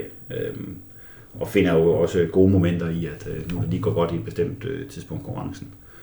Øh, så, så, så når man når til det punkt, hvor øh, også den mentale viljestyrke og evnen til faktisk også at bevare fokus er træt. Øh, og det gør man sidst på sådan en konkurrence. Og den har jeg været i meget ofte på de her rigtig lange. Altså det er det punkt, man når til. Og man har jo, og man løber, øh, hvad skal man sige, 400 meter, så når man også til den, efter man har løbet 200 meter, og mælkesyren står op over begge ører. Så når man også herude, hvor man så siger, nu kan jeg holde fokus en lille smule, og så må jeg slippe, fordi jeg ligger hele tiden på kanten af det. Øh, det er så nok lidt noget andet, når man så gør det over mange timer. Øh, og som jeg var ude i her, hvor jeg et eller andet sted var ude i, jeg næsten noget, der ligner en 20 km spurt. Øh, hvor man, altså, jeg havde Tim de Boom i hælene, og ham, ham, han løb op til mig efter, øh, han nåede op til mig efter 20 km, og lå 50 meter efter mig øh, de sidste 20 km af den konkurrence. Øh, og jeg tror også kun, det er noget, man gør. Jeg har ikke oplevet det hos ret mange, at man, øh, og hos mig selv har jeg kun oplevet det, når, når der virkelig var noget på spil. Øh, men, men mange atleter, øh, jeg tror mange vil ikke nå dertil. De vil, de vil stoppe eller tage tempoet ned før. Mm. Øh, andre er gode til det, øh, og kan godt øh, æde sig selv helt vildt i lang tid. Men jeg tror kun, det er ligesom de der helt yderste presmomenter, at man kan finde sig selv der, hvor man er så mentalt træt, så man mere eller mindre kun kan holde et fokus i 10 sekunder gang. Og så må hive sig selv op igen. Og så gør det igen og igen og igen. Og jeg tror, det er det, der forskellen, kan man sige, på de her lange distancer. Det er den der evne, man skal have, når det kommer derud, øh, til at, at blive ved med at kunne motivere sig selv. Og finde de teknikker, der også ligger i det. Fordi for mig var det meget med, at jeg gik jo fra at have et fokus i starten af løbeturen, måske på 5 km gang. Eller sådan, og når vi er nede det der, så er det til næste gadehjørne, eller næste væskestation, eller det kilometermærke, der ligger 200 meter op ad vejen, så prøver jeg at sprinte op til det. Og så kollapser jeg ligesom mentalt igen, og så hiver jeg mig op igen. Øhm, så bliver benene bare ved, selvom du kollapser mentalt. Så bliver ja, altså, indtil men, du så... men, men, det er man jo nødt til at... Og man kæmper jo, altså det er jo virkelig kamp sekund for sekund øh, på det tidspunkt. Og, og det er meget ofte så også, jeg er jo sådan, når jeg så kigger tilbage, så er det meget sjovt, fordi jeg var sådan ret... Øh, det, er jo, det er jo ikke rart at være der. Altså, Nej, det er jo derfor, øh, at det opstår, ikke? Nej, nej, og, og man, man er i det der pres, man på en eller anden måde stiller sig selv og sagt, jeg vil enormt gerne prøve at gøre det godt i det her, og man bliver motiveret af, at det går godt, og jeg ligger som træer og så videre. Og det er jo sådan den ene side, ikke? Det er jo virkelig øh, den ene øh, djævel på den ene side af skulderen, og ingen på den anden, eller hvad man nu kan kalde det. Men det er jo den dialog, man har med sig selv. Og når man er så mentalt træt og slidt ned, så man ikke kan bevare fokus, man ikke kan længere hænge sammen i sin indre dialog, og man også er så mange, altså tit så har jeg jo oplevet også, at jeg bare jeg, nogle af de gange, jeg har været allermest træt, så tuder jeg jo bare bagefter stævnet. Fordi jeg ikke kan, jeg kan ikke hænge sammen på mig selv mere. Og det er, det er jo nævnt, man op i over år, og, og det skabes kun i de her enorme pressituationer, man kommer derud. Øhm, men jeg fandt ud af, at jeg kiggede tilbage, jo, at jeg egentlig ikke, jeg tror aldrig, jeg har sådan jeg kan godt have, have folk, som har været på et andet niveau, end jeg har, så løbet forbi mig og har vundet. Men i de situationer på de lange stævner, hvor man når derud, hvor det, til sidst er det mand mod mand, og til sidst er begge to lige trætte, og det er den her kamp, det handler om. Og jeg kunne egentlig kigge tilbage på karrieren og så sige, jeg tror egentlig, jeg, jeg gik positivt ud af de fleste af dem. Øhm, øh, måske også fordi jeg fik, jeg fik arbejdet noget meget med det der, men, men, men, men øh, og havde egentlig et selvbillede nogle gange om, at jeg ikke var god nok til det. Det var lidt sjovt, øh, men jeg fandt faktisk ud af, at jeg var rigtig god til det øh, hen ad vejen. Det handler jo også om det her med den, altså den ene dag, som du har kendt i et år i forvejen, at du skal præstere. Og der, og, og der, der kigger jeg, når jeg læser bogen, så bliver jeg også lidt øh, interesseret i den der, du snakker om den der halv Ironman i Oceanside i 2005, ja. hvor du siger, men det var i virkeligheden den perfekte præstation. Mm. Øhm, men, men hvordan prioriterer du i forhold til at så kunne præstere optimalt den her ene dag? Altså hvilke ting er vigtige for dig? Op, er der nogle bestemte ting, både i Hawaii 2007 og i Oceanside, mm. er der noget, hvor du kan kigge tilbage og sige, det var, der var i hvert fald de her ting, der var på plads, eller som jeg fokuserede på? Ja. Jamen altså, jeg tror, at nogle af, altså det er jo klart, nu det at bygge op til sådan en stævne, og det var virkelig et projekt jo, altså det kunne være noget, der formede sig helt, øh, fra man lægger sæsonplanen jo, altså hen i, i november-december. Øh, og den måde, man bygger sæsonen op, øh, er jo skruet ind efter et stævne som Hawaii. Mm. Og så bliver det jo rigtig meget intenst i de sidste, øh, lad os sige, tre måneder op til, øh, hvor man virkelig jo går i, i, i hi, og kommer ind i 8 klokken, og, og alt ligesom bliver gearet mod det her, hvad man, hvad man spiser, og hvad man, hvordan man sover, og, og selvfølgelig også, hvordan man træner, og øh, har en sekvens af træningslejre op til, øh, så man ligesom får bygget formen op på den rigtige måde, og, og får lavet alle de her øh, eksperimenter, både før sæsonen, eller i forsæsonen, kan man så sige, men selvfølgelig også i de sidste måneder op til at få fintunet det hele. Så, så den der proces, der ligger i at bygge planen langt ude, og, og få det som mål, og at alt ligesom bliver skruet op imod det, og at man så går i osterklokker og fokuserer helt ind, øhm, og mentalt også jo på et eller andet tidspunkt, jeg tror vi havde sådan på landsholdet typisk af sådan en måneds tid før de her store stævner, så gik vi ligesom ind i et rum øh, hver for sig, særligt også hvis vi skulle køre det samme stævne, altså dengang mm. med Peter og Rasmus og jeg, og øh, så gik vi ligesom i en klokke, hvor, hvor, hvor der bare var, der var plads til at gøre det rigtige hele tiden. Og der var ikke plads til, at der skulle komme noget ind og forstyrre, øh, også i forhold til familien og andre, så bliver man sådan helt særlig. Øh, og så er det klart, i, i, i slutningen op til, så er, man, så er man på plads, og så er man klar, og så med erfaring, så lærer man også at slappe af og glæde sig, og, og virkelig skulle pakke gaverne op øh, mm. på den der, øh, til den forberedelse. Ikke? Så det er i virkeligheden hele processen, der gør, at man kan præstere på den ja. dag. Der er ikke et eller andet så op til dagen, som er især et eller andet fokusområde eller et eller andet. Det er... Nej, det er holismen af det hele. Det hvordan træningsforberedelsen har været. Øh, har, du, har du ligesom gået en ekstra mil? Har du fundet en rigtig balance? Øh, tror du på hele dit setup? Altså, hvad er planen for stævnet? Hvordan skal du drikke og spise? Øh, udstyr og så videre. Alle de ting, du kan optimere. Og det er også det, hvor man ser folk gå op i sindssygt detaljer. Jeg kunne vi stod og klippede øh, kablerne på cyklen. Altså ned til de kun var 1 cm, ikke? fordi der skulle være så lidt som muligt til vinden. Mm. Øh, så alle de her små ting, som ikke nødvendigvis har nogen, altså det er ikke det, der afgør, om du vinder eller Men det har en mental betydning. Men, ja, men jeg havde sådan et, jeg havde sådan et mantra, der hed, du kan stadig vinde med et sekund. Altså, du vil jo ærge dig helt vildt, hvis det er det sekund, ikke? Men det er ligesom en del af den mentale forberedelse, og, og det at både visualisere og, og gøre sig klar, altså, og, og man også mentalt lade op energimæssigt. Altså, man, man skærer jo energi væk fra alt muligt andet. Mm. Og så er det kun de her ting, der er nødvendige i forhold til stævnet i den sidste måned op til.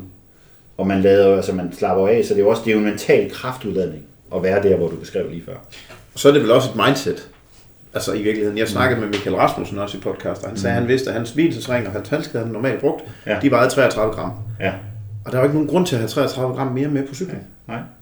Og så kan man sige, at 33 det er jo så lidt, du kan nærmest ikke måle det. Nej, men, men mindsetet omkring, jamen, det er der ikke nogen grund til. Nej. Altså, det, det var i hvert fald, betød i hvert fald meget for ham. Ja, ja. Når man også har følelsen af at have gjort alt. Ikke? Altså, ja. det, var også det, det var egentlig min målstok også i stævnerne. Det var meget at holde mig selv op imod en bare. Ikke nødvendigvis, hvad resultatet jeg blev. Mm. Fordi det kan jeg ikke kontrollere. Men jeg kunne forholde mig til, om jeg følte, at jeg havde fuldt min plan, og jeg var fuldstændig færdig, når jeg krydsede stregen. Det er måske det vigtigste mål, jeg havde. Øh, fordi det er det eneste mål, som giver mening. Altså det er det eneste, jeg kan kontrollere, det er det eneste, jeg kan gøre noget ved. Om jeg bliver nummer 1 eller 3 eller 10, det kan jeg ikke gøre noget ved. Det afhænger af alle de andre. Ja. Men det der mål, det kan jeg selv gøre noget ved. Øh, hvad, hvis der nu sidder mennesker uden i baggrund, som gerne vil blive bedre til at præstere på dagen til eksamen, så synes jeg tit, man hører det, ah, men så kom eksamen, og så gik den sorte klap ned. Og sådan noget. Mm. Så jeg er bare rigtig dårlig, når jeg skal til et eller andet, du ved. Én ting. Ja. Øhm, har du et råd til dem? Ja, altså der er jo, der er jo mange forskellige øh, ting, afhængig af, hvad det er, der, der er på spil. Ikke? Men dels så er forberedelse. Det er jo det allervigtigste det er bund til også at skabe selvtilliden, og det at have, være fuldstændig klar over, hvad der skal ske, og hvordan det skal ske, og hvordan man bliver evalueret, eller hvad det nu er, man skal op til. Så forberedelse er utrolig vigtigt for, at man føler, at man har selvtillid i den situation, man går ind i. Øh, og der er der jo rigtig mange, der kan tage med fra elitesporten, hvor man jo går minutøst op i forberedelsen, og ikke er bange for at gå i detaljer, og ikke er bange for at, at sætte sig selv i situationer, hvor man, hvor man virkelig tester sig selv af. Så det er meget få elever i Danmark, som har prøvet, lad os nu sige, bare sige, som, som til en eksamen, sige, jeg skal op og præstere et eller andet til en eksamen. Hvor mange har så holdt en prøveeksamen derhjemme? Og hvor mange gange har de gjort det? Hvis du går op til en konkurrence med lidt og lidt, så har du altså trænet det moment igen og igen og igen, mange gange op til du gør det. Øhm, så selvom man prøver at have viden, men til det at præstere i øjeblikket, det er der mange, der træner. Så, så forberedelse og specifik forberedelse, det tror jeg faktisk er det allervigtigste. Det er bare ikke så mange, der har viljen til at gøre det. Mm. Så det er virkelig også ofte hele forskellen. Har du viljen til at gå den ekstra mil, og så gøre det specifikt. Så det er en ting. Og så er der en masse ting i selve situationen mentalt, altså med at regulere sit spændingsniveau, have et realistisk øh, målsætning og forventningsniveau. Øhm, have en, en indre dialog, kan man sige, der er positiv og konstruktiv og fokus til at kontrollere osv. For mange er det jo også en angstreaktion, ikke, hvor klappen går ned. Øh, ja. Så der er en masse mentale teknikker øh, til det, øh, hvor man kan lære at arbejde med og, og, og hvad skal man sige, have det her øh, en aktiv bevidsthed omkring, hvad er det for nogle tanker, hvor er mit fokus henne, hvad er det for nogle følelser, jeg har osv. Mindfulness kan hjælpe til noget af det. Øhm, så er det ligesom måske to sider af det. Ikke? Altså, ja. Der er forberedelsesfasen, hvor dybt, hvor langt går det, og hvor meget vælger det. Det er jo typisk der, det kommer ud, og så vil du det her. Og så er der den mere akutte del af forberedelsen og, og regeringen i situationen. Jeg synes, øh, når jeg kigger tilbage på de bedste summer, jeg har trænet, så har forskellen på dem og de næstbedste, det har været, at de har aldrig nogensinde været bange for at fejle. Nej. De har altid haft fokus på, hvad de gerne vil opnå, ja. i stedet for på, hvad de gerne vil undgå ja. i virkeligheden. Meget præcis, ja. Øhm, og der, der synes jeg også, at vi ser på en, selvom jeg kommer til at lyde gammel nu, så ser vi også på en verden nu, hvor det ikke er tilladt at fejle. Altså det, man, man, hvis Meget man skal til eksamen, man skal, ja. man skal, hvis man har fået 10, så er det godt nok noget skidt. Man skal have 12, ikke? Øhm, jeg kan ikke se det mindset fungere for nogle af de bedste summer, jeg har haft i hvert fald. Ja. Jeg er meget, meget enig. Jeg havde en, en, en, mål, eller en, en erfaring, øh, som hedder, at man skal lære at tabe, før man kan vinde. Mm. Altså også fordi, at, at for at vinde noget, så, så skal man turde være hudets ærlig og se sig selv i øjnene, og så sige, hvad er det egentlig, jeg skal gøre for at vinde? Og den skal man over mange gange, hvor man skal gøre noget mere eller noget andet, end, end det man egentlig havde regnet med. Øh, og samtidig så er den robusthed, der kommer, når man fejler, og man overvinder sig selv og kommer igen. Eller, eller ofte så er det også, når vi fejler, vi lærer. Altså, når, hvad var det, der ikke fungerede? Eller, eller var jeg virkelig god nok? Eller hvad det nu kan være, ikke? Så den evne tror jeg er helt vigtig, og jeg tror, hvis vi ser det lidt mere samfundsperspektivsmæssigt og sådan noget, så, så er det et kæmpe problem. At vi har lavet en skolekultur, som er så præstationsfokuseret, og som så tidligt går ind på at lære ungerne at læse, og som, hvad skal man sige, presser dem til det, hvis jeg skal sige det egentlig som det er. Mm. Øh, og tager hele det her med, at når man er barn, og man leger, og man er kreativ, og man skaber ting, og man falder ned for ting, og man slår sig, og man laver unoder, øh, det man lærer der, det er jo de helt fundamentale dele af selvværdet. Mm. I at opleve, at jeg kan noget, og jeg kan skabe noget, og jeg kan også slå mig og græde, og jeg kan så også du ved, komme ud af det igen. Altså alle de ting, dem glemmer vi nu i store dele af barns liv. Og det er et kæmpe problem. Fordi det skaber altså nogen, som, som i bund og grund ikke øh, er så robuste. De unge i dag kan mange ting. Det er helt fantastisk, hvad de kan. De, er, de har øh, altså på mange måder øh, jo, jo øh, enorme, de er født digitale, de tænker digitalt, de er enormt dygtige til at opdrage med alt muligt værksætteri og alt muligt andet. Øh, enormt socialt øh, bevidste på mange punkter. Men den der, hvad skal man sige, den individuelle øh, målrettighed, robusthed og sådan noget, den, den, den, er, den er ikke øh, på samme måde til stede, som den var i de generationer, som kommer før, som både har været en del af andet skolesystem, men også er måske opvokset nogle andre kår, hvor man som person skulle kæmpe langt hårdere, hvis man ville noget. Og hvor der også var nogle langt andre problemer, altså økonomisk eller socialt, end, end, end der på samme måde er i dag. Øhm, så generelt set er vores levestandard forbedret, og, og alle har det egentlig objektivt set meget bedre. Men alligevel så har vi en masse unge, som ikke trives. Ja, og en masse stress og en masse. Ja. Præcis. Øhm, det er sjovt, fordi du, du beskriver din, tydeligt dine tanker og din frustration omkring, omkring skader og ved at blive sat tilbage. Og I tri, der sker det jo, fordi man har presset kroppen lidt for hårdt, lidt for længe. Det er jo ikke akut, det er jo altid en eller anden overbelastning, ja. eller andet, der kommer, kommer snigende. Ikke? Øhm, og der har jeg haft flere snakke med, også med trænerkolleger, men også sådan med, med folk, som arbejder med HR virksomheder. Og har også i talt det her med, jamen, kan man i virkeligheden sammenligne en overbelastningsskade med stress? Mm. med ja. den form for stress, der er i erhvervslivet. Hvad, hvad Ja. tænker du om det? Ja, nu vil jeg sige, øh, det kommer lidt på, hvordan man definerer det. Øhm, og jeg vil nok hellere snakke om stress og overbelastning, eller hvad man kan sige, de overbelastningssymptomer, der kommer, Ja. når man stresser kroppen, om det så er mentalt eller fysisk for længe, så kommer der nogle symptomer. Øh, men stress i sig selv har vi jo hver dag, og det er jo naturligt, Ja. hvad skal man sige, tilstand, øh, som vi går ind og ud af. Øh, og det er jo kun, når den er til stede for længe, kan vi så få nogle overbelastningssymptomer. Øhm, men jo, jeg synes, øh, der er momenter af det, man kan sammenligne, og så er der, så er der andre, som er lidt svære. Altså, du kan sige, overbelastningsskader er af, af den her mekaniske belastning over meget lang tid, som overstiger, hvad er det vævet kan klare. Mm. Øhm, og er jo meget fysisk, øhm, og på mange måder også sådan lidt lemmere at håndtere så, fordi så er der en udfordring. Vi kan måske få en diagnose på det, og vi har også en evidens for, hvad for noget behandling, der virker, og så videre, så videre. Ikke? Øh, der er selvfølgelig den mentale komponent af det, at, at, at som jeg ser det, så er hver skade er jo et, et, et symbol på overtræning. Og enhver overtræning bunder jo i et eller andet sted, der er noget, jeg ikke har fået reguleret ordentligt. Jeg har ikke fået hvile nok, mm. øh, eller ikke fået doseret træning rigtigt. Øhm, hvis vi går hen til stressoverbelastning, øh, af den del, vi oplever i, på arbejdspladsen og livet i øvrigt, øh, så er den jo meget mere mentalt betinget, øh, og hænger jo meget mere sammen med, øh, om det så er uoverskuelige, eller urimelige, eller, eller komplekse krav, øh, men meget oftest jo også koblet med store følelsesmæssige øh, traumer eller, eller, eller begivenheder. Om det så er sygdom, eller folk, der bliver syge, eller Ja. det er fyringer, eller hvad det nu er. Så meget ofte så kobles det jo sådan øh, med det. Øh, så, så, så stress i, i andre sammenhænge, som vi kalder det i dag, eller stressoverbelastning, er jo meget oftest mere en, en øh, hvad skal man sige, øh, socialt og mentalt øh, betinget øh, på den ene eller anden måde. Ikke?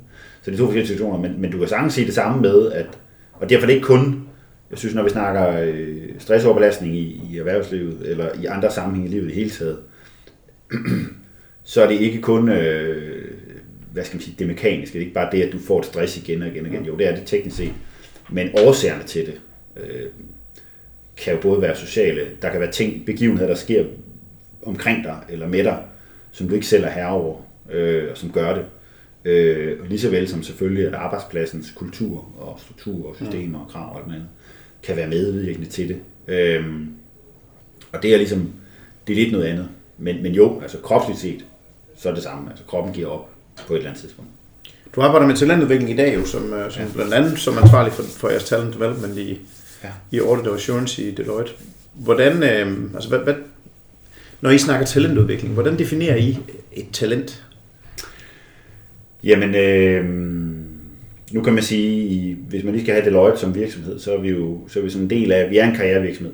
Øh, og vi, vores, vores model, kan man så sige, hvad man kunne kalde det, det er jo et eller andet sted, at vi har mange studerende, altså både fra øh, Kalmar studiet altså det, hvor man et eller andet sted læser revision og og så, øh, og så øh, også steppet før HA, og så går også øh, traditionelt set også øh, en masse fra handelsskolen. Øh, vi tager ind, Øhm, og hos os så kommer de jo sådan et eller andet sted. Nogen øh, kommer ind fra handelsskolen, og så læser de først en HD, og så læser de Can Out. Og, og, og nogen vælger så også at læse videre til statssorteret revisor, øh, og tager den eksamen, som er en ekstrem stor og tung øh, faglig, øh, men også, hvad skal man sige, revisorfaglig eksamen, øh, hvor man jo et eller andet sted kommer rundt i at skulle revidere og sikre, at de virksomheder, man reviderer, jamen, de opfører sig ordentligt. Så alle mulige typer af bedrageri og hvad der nu kan være, øh, man skal gøre, og de, de protokoller og alt muligt andet, der ligger bag ved, at man laver en revision.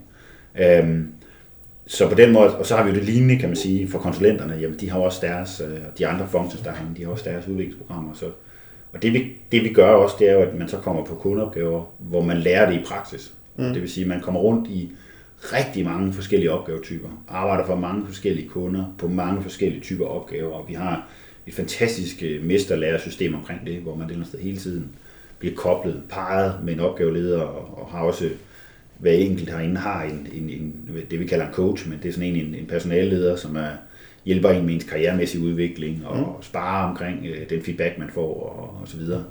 Øhm, så vi har egentlig et rigtig, rigtig godt setup, både i forhold til de kundeopgaver, vi løser, øh, og den variation, der er i det, øh, og de mange forskellige problemstillinger, man kommer til at stå overfor, som gør, at man, man virkelig lærer rigtig, rigtig meget, når man er herinde. Og det betyder også, hele vores, øh, i grundlæggende vores forretningsmodel, det er at udvikle talenter. Mm. Øhm, Og der betragter I så alle, der er han vi som talent. faktisk alle som talenter. Ja. Øh, og det gør vi også i daglig tale. Så der er ikke et talentprogram, hvor I udvælger de 8% bedste? eller Nej, et vi eller har, vi, har nogle, vi har nogle programmer øh, for nogen high potential osv., men det ligger meget det at alle herinde har, vil gerne gøre karriere, de vil gerne udvikle sig, de er ambitiøse, øh, de vil gerne frem i bussen, mm. øh, de vil gerne gøre det bedre. Øh, om det så handler for nogen om titler og gøre med løn, eller det handler om at blive dygtigere til det, man gør, og kunne gøre en endnu større forskel, eller lære noget nyt, øh, det er så vidt forskelligt øh, fra den enkelte. Men, men vi prøver ligesom at skabe et miljø, der kan det, øh, og har en fantastisk model til det, og har haft det i mange år. Så der er mange, der kommer hen, og så øh, nogen er her i, øh, i kan man sige, 4-5-6 år, og træder så ud og får stillinger ude i industrien, i finansfunktioner, eller i det offentlige, eller andre steder, øh, i økonomifunktioner, eller omkring investeringer, eller andre steder i den finansielle sektor. Øh, og andre bliver så herinde øh, og gør en karriere som, som revisor eller rådgiver øh, for virksomheder, og, og også nogle af de andre, kan man sige, ben, vi har herinde, øh, om det så er i konsulentbenet eller, eller i Risk Advisory, hvor de arbejder meget med cybersikkerhed øh, og hele den del, øh, og andre former for risikostyring, øh, eller om, om det er dem, der rådgiver omkring øh, skat og legal osv. Jamen altså, der er jo alle sammen øh, højt, højt, højt uddannede specialister, øh, som så på et tidspunkt begynder også at blive relevante, fordi de så er rundt i så mange virksomheder, så bliver det relevante i at kunne rådgive om en lang række ting og sager. Mm. Vi har så mange vildt dygtige mennesker herinde, øh, som kan helt vilde ting. Og vi arbejder både med private virksomheder det offentlige, og, og på den måde har vi en enorm, hvad skal man sige, øh, betydning for rigtig mange organisationer øh, og for samfundet i det hele taget. Og vores rolle som revisor er sindssygt vigtig øh, i forhold til at, at sikre tilliden, kan man sige, til virksomhedens regnskaber, og sikre det foregår ordentligt, øh, og sikre tilliden til de finansielle systemer og sådan noget. Men hele det miljø, vi skaber omkring det, øh, er, jo, er, jo, er jo simpelthen bare sådan et kæmpe læringsmiljø i virkeligheden. Øh, Og bruger I så, altså udvælger I den rigtige coach i gåsøjne til hvert talent, hvis vi kalder det Ja, det? jeg tror ikke, vi er et sted, hvor vi kan udvælge kan man sige, den rigtige til den enkelte. Mm. Øh, men vi er ret kærlige med, at, at dem vi udvikler, udvælger til at være coaches for eksempel, at, at de har en passion for det, og de også har en flair for det, og, og de får også øh, selvfølgelig noget træning i at være det. Øh, de Det er jo en træner i virkeligheden. Ja, ja, men det er i virkeligheden en træner, kan man sige. Ja. Det er ikke sådan helt, øh, vi kalder det faktisk coach, og det har sådan en trænerlignende, mm. øh, men det sker i, en, i en klar gensidig respekt og dialog og Det er klart. på den måde. Ikke? Så det er ikke sådan en, det er ikke sådan en indpisker. Det er meget mere til at hjælpe at finde vej og hjælpe til at håndtere de udfordringer, der kommer, men også sikre, at man har det langsigtede perspektiv og motivation med sig. Øhm, så, så det er sådan et, og så er det jo, der er også et stillingshierarki, folk vokser op imod, så der er hele tiden nogle klare mål, man kan stræbe efter. Øh, Alle har også nogle mål, de skal løbe efter, som de fastsætter sammen med deres øh, coach. Øhm, og som er med til også at få forretningen til at løbe rundt. Øh, Så der er sådan en masse elementer, der i virkeligheden skaber motivation, øh, og også gør, at vi har et miljø, som kan være enormt intenst, for der er vildt gang i den, og det er sådan et sted, hvor folk også jamen, bliver enige om, vi rykker, så rykker vi. Mm. Øhm, og det er vildt inspirerende at være en del af, og, og der er rigtig mange af dem, der er herinde, som elsker det boss, der er her. Ja. Alt muligt. Mange forskellige fagligheder vildt spændende udfordringer. Du er med til at præge agendaen i de helt store virksomheder, eller i mellemstore virksomheder, eller sammen med, med direktionen forskellige steder og sådan noget. Øhm, vildt inspirerende for mange mennesker, øhm, men også meget intenst at være i. Øh, og det er svært for mange også at, og både at sige fra, og vi vil gerne have at prøve at skabe noget større rummelighed, øh, og sikre, at man også kan gøre karriere øh, i, i, måske ikke bare på fuld gas hele tiden, men også kunne træde Ja. lidt mere til side, når man får børn og alt det her. Det er jo nogle af de ting, man har i arbejdslivet, som man ikke har i sporten på samme måde. Det er der også i sporten, men det er der i mindre grad i, i de elitemiljøer, der er der. Øhm, så, så på dem skal vi kunne lidt mere og noget bredere, og virkelig også end, end de her helt eks- elitemiljøer i sporten, hvor det er meget, meget dedikeret. Ja. Hvilke, hvis du kun må vælge, hvis du måtte vælge en egenskab fra idrættens verden, som, som, som du kunne give til alle medarbejdere i Deloitte, Ja. hvad skulle det så være? Jamen så er det det her med at arbejde, hvad skal man sige, med detaljerne og med øh, træningstilgang. Altså at, at, og og måske også nogle af de elementer omkring at arbejde lidt mere øh, fokuseret med selvslid og selvværd, altså de mentale komponenter det her med sig selv som person. Mm. Det kommer meget naturligt, tror jeg, når man, når man er i sportens verden. Og man møder oftest, bare det, man vælger en sportskarriere, er jo kontroversielt, hvor man ligesom kan forholde sig til, hvem jeg er, hvad jeg vil. Øhm, og, og, og der tror jeg egentlig noget af det, øh, sådan træningsmentaliteten øh, i virkeligheden, øh, den kunne man godt få mere af. Refleksionen mm. omkring træning og præstationsudvikling, den er vigtig. Der bliver det nogle gange til i arbejdslivet sådan lidt, at man bare arbejder. Øh, og dem, der har selvreflektion, dem, der har det der med viljen til at forholde sig til de opgaver, man har, øh, før, under, efter, evaluere på det og, og sætte sig nogle mål og commitme sig til dem osv., den tilgang, øh, det er også nogle af dem, der når langt i, i, i, øh, i forretningslivet. Men jeg vil så sige, at, at, at der skal væsentligt flere sociale kompetencer til, øh, og så er der en helt anden faglighed, man skal opdyrke. Det er klart. Det er klart. Det er klart. Øhm, jeg kunne godt tænke mig lige at komme lidt ind omkring det her input-output, øh, altså fokus på resultatet frem for på de timer, der bliver lagt øh, ja. i det, som der var i sporten, inden, inden, øh, inden vi runder af. Du skriver i bogen, samtidig var min del af et miljø, der ligesom de fleste andre udholdenhedsidrætter var gennemsyret af en meget barsk mentalitet om, at den, der trænede mest og hårdest, vandt. Men på absolut topniveau vender bøtten, og det, der handler det mere om at balancere og fokusere end på at motivere. Mm. Øhm, hvad er din holdning sådan helt overordnet til det her? Man fokuserer meget på input øh, mange steder i sportens verden, og også i mange virksomheder. Vi skal mm. arbejde 37 timer om ugen. Ja. Frem for at, at sige, at du skal nå det her resultat, så må du egentlig selv om, hvor lang tid du bruger på det. Ja. Altså jeg tror i, i, øh, i øh, det, der er mange forskellige vinkler på det. Øh, jeg tror klart, at, at det at fokusere på det, vi kan gøre noget ved, mm. er vigtigt. Og kvaliteten i det, vi gør noget ved, er vigtigt for at skabe resultater. Tilbage til den refleksion, jeg snakker om før. Fordi du kan godt have, godt have resultatmål i virksomhederne, men som i virkeligheden er nogle svære mål, fordi du ikke selv har kontrol, og så er det svært at motivere osv. osv. Øh, dem skal vi nok have nogen af, øh, men med en, en pragmatisk tilgang til det, og en god dialog omkring det. Og sagt, hvad er det egentlig, du så lærer, når vi nu ikke havde fremgang i, i forhold til det her resultatmål, vi har sagt.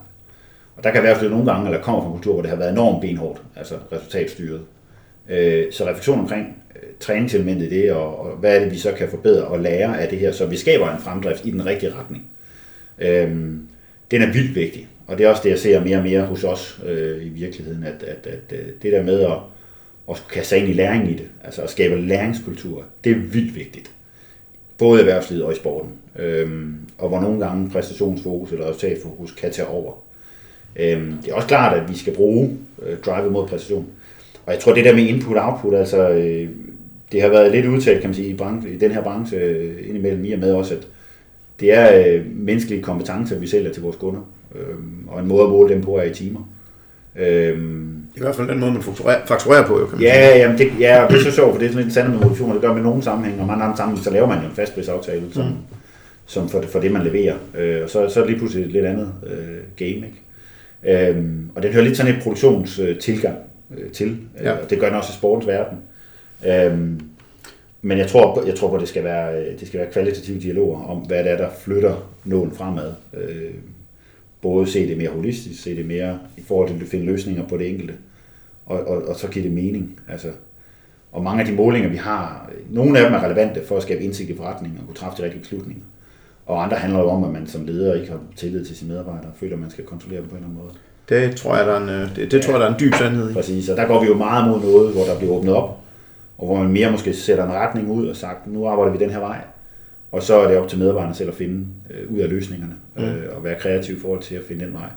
Og det, det ser man mange steder begynde at åbne op for, øh, og det gør vi også herinde øh, i højere grad. Har altid haft en del af vores kultur, at vi finder løsninger, og medarbejdere kan altid komme med idéer, og, og det bliver ofte meget til noget men, øh, men begynder måske at være mere frisættende, men har en retning, man er tydelig på. Så i virkeligheden et øh, miljø, der vil have passet godt til en øh, 23-årig Torbjørn Tindballe? Ja, det tror jeg.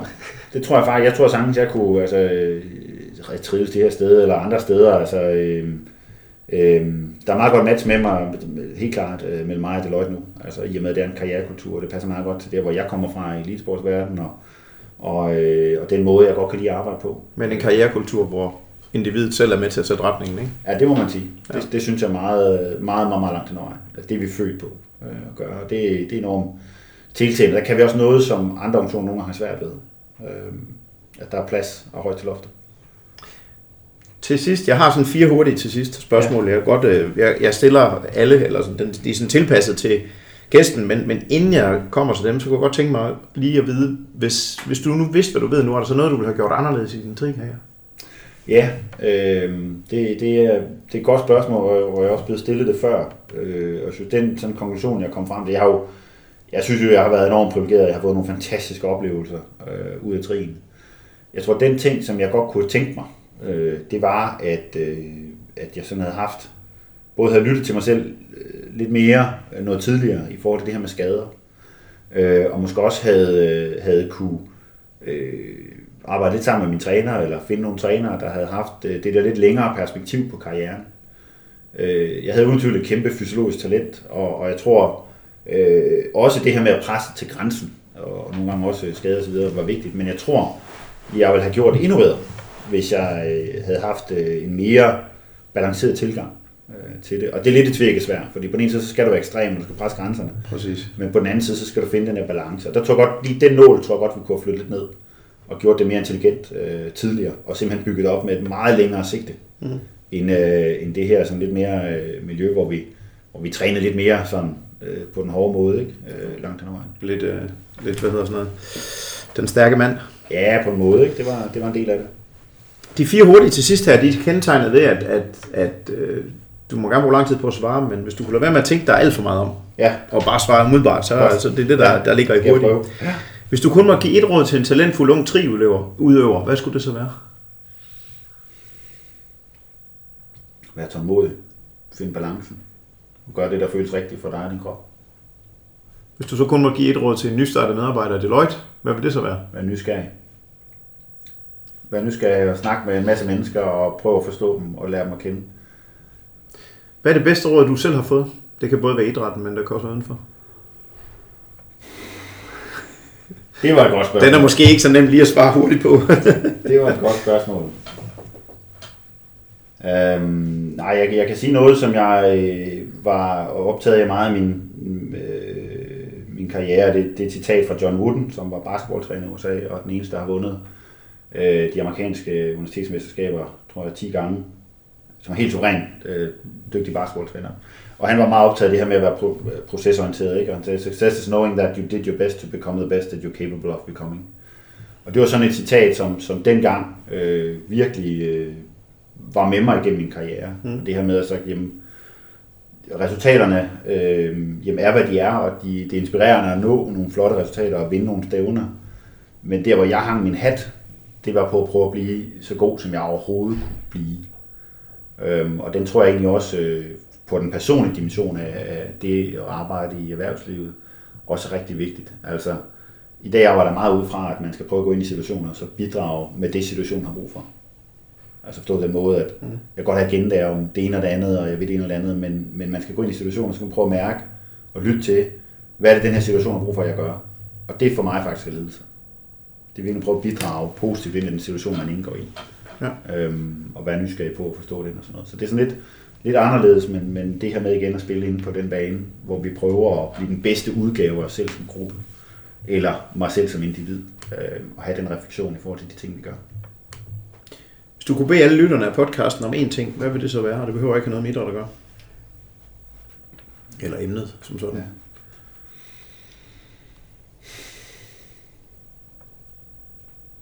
Jamen det bliver jo sådan lidt en, altså, øh, jeg synes jo, at øh, jeg synes faktisk, at vi er i en tid, hvor vi, vi både står over for, det er jo sådan os alle sammen, vi står over for nogle kæmpe udfordringer, øh, som nok er større, end de har været længe, om det er klimakrise eller, eller andet. Men jeg synes sådan på det helt menneskelige plan, så synes jeg, vi skal, vi skal være rigtig gode til at, at, at tænke på dem omkring os, og sørge for, at vi gør noget godt for andre. Øh, det er det, der bringer os sammen. Øh, og, og vi kommer til at blive udfordret af mange af de her kriser på den ene eller anden måde. Jeg tror, hvis vi kan bevare det at ville hinanden, øh, være nysgerrige på hinanden og lytte til hinanden, og også gøre noget for hinanden, øh, så synes jeg, det er vildt vigtigt. Om det så er, at man øh, en del af trisporten og bidrager i en triklub øh, til den, eller man øh, vil være noget for sine børn på en eller anden, en eller anden måde, eller man vil være noget for nogle andre, eller som dig, der laver en, en podcast her øh, et eller andet sted øh, frivilligt og prøver at gøre det, øh, så tror jeg, det er det, der flytter verden fremad, og det, der gør, at, vi hele tiden skaber en, en planet og et samfund og nogle, nogle miljøer, som er bedre at være en del af. Det var en øh, god afslutning, synes jeg. Mm. Øh, nu er tiden også løbet ud. Så øh, tak fordi du har været med. Ja, tusind tak for, at jeg måtte være med. Er der en eller anden, jeg skal tage fat i? Hvem skal den næste gæst være her i podcasten? Har du, har du, har du et godt bud på det? Ja, altså jeg havde faktisk to. Må jeg godt nævne to? Det må du meget gerne. Ja, det bare, og det tog jeg sådan helt intuitivt. Altså, Ja. den, ene, den ene, jeg tænkte, det var er Lars Christensen, som var, har været sportschef i Danmarks Rocenter. Ja. Så nu er vi lidt af i den her sfære. Jeg fik lov at skrive speciale øh, om Danmarks Rocenter i sin tid.